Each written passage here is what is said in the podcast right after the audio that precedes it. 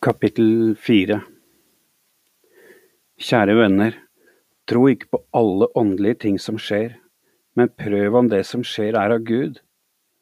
For det er, mange, det er gått mange falske profeter ut i verden, men slik kan dere teste om det åndelige som skjer er av Gud. Hver ånd som bekjenner at Jesus er Guds sønn, som kom til jorden som et menneske, er av Gud. De åndene som ikke mener at Jesus er Guds sønn, er ikke av Gud. Dette er ånden til Antikrist. Dere har hørt at Antikrist skal komme, men hans ånd er allerede i verden. Dere er av Gud, mine barn, og har seiret over de onde kreftene. For han som er i dere, er større enn han som er i verden. De andre er barn av denne verden, derfor snakker de også slik det snakkes i denne verden, og verden hører på dem. Men vi tilhører Gud. De som kjenner Gud, hører på oss, men de som ikke kjenner Gud, hører ikke på oss. Slik kan dere skille de åndelige kreftene. De kreftene som prøver å dra oss bort fra Gud, kommer ikke fra ham. Mine elskede søsken, la oss elske hverandre, for kjærligheten kommer fra Gud. Hver den som elsker andre mennesker, er født av Gud og kjenner Gud. De som ikke elsker andre, kjenner ikke Guds vesen, for Gud er kjærlighet. Gud viste sin kjærlighet til oss ved å sende sin eneste sønn til verden, og det gjorde han for at vi skulle få liv på grunn av ham.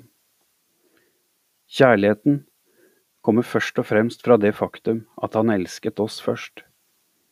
Så kan vi elske han tilbake. Han elsker oss så høyt at han lot sin sønn ta straffen for våre synder. Tenk det, kjære søsken at når Gud kan elske oss så høyt, da skylder også vi å elske hverandre. Ingen har sett Gud med sine fysiske øyne. Dersom vi elsker hverandre, bor Gud i oss, og vi blir videreformidlere av Hans kjærlighet. Slik får Guds kjærlighet virke for fullt i denne verden, og på den måten kan vi kjenne at vi har kontakt med Ham, og at Han bor i oss. For Han har gitt oss av sin ånd. Vi er vitner til at Gud har sendt sin sønn som frelser til verden. Alle som tror at Jesus er Guds sønn, vil ta imot Gud sitt, i sitt indre og bli omsluttet av Gud. Vi har møtt Guds kjærlighet, og derfor begynte vi å tro på kjærligheten. Gud er kjærlighet, og den som holder seg til Gud, vil oppleve denne kjærligheten, og Gud vil være med ham. Dette er en fullkommen kjærlighet, og den virker slik på oss at vi kan være frimodige på dommens dag. Vi gjenspeiler Hans vesen i denne verden. Det er ingen frykt i kjærligheten. Den fullkomne kjærligheten driver frykten ut av menneskene. For frykten hører sammen med tanken på straff, og det mennesket som fortsatt lar frykten råde i sitt indre, er ikke oppfylt av Guds fullkomne kjærlighet. Vi elsker fordi Han elsket oss først.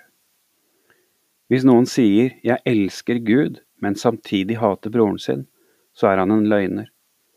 For dersom et menneske ikke kan elske sine medmennesker, som han kan se med sine øyne, hvordan kan han da elske Gud som han aldri har sett?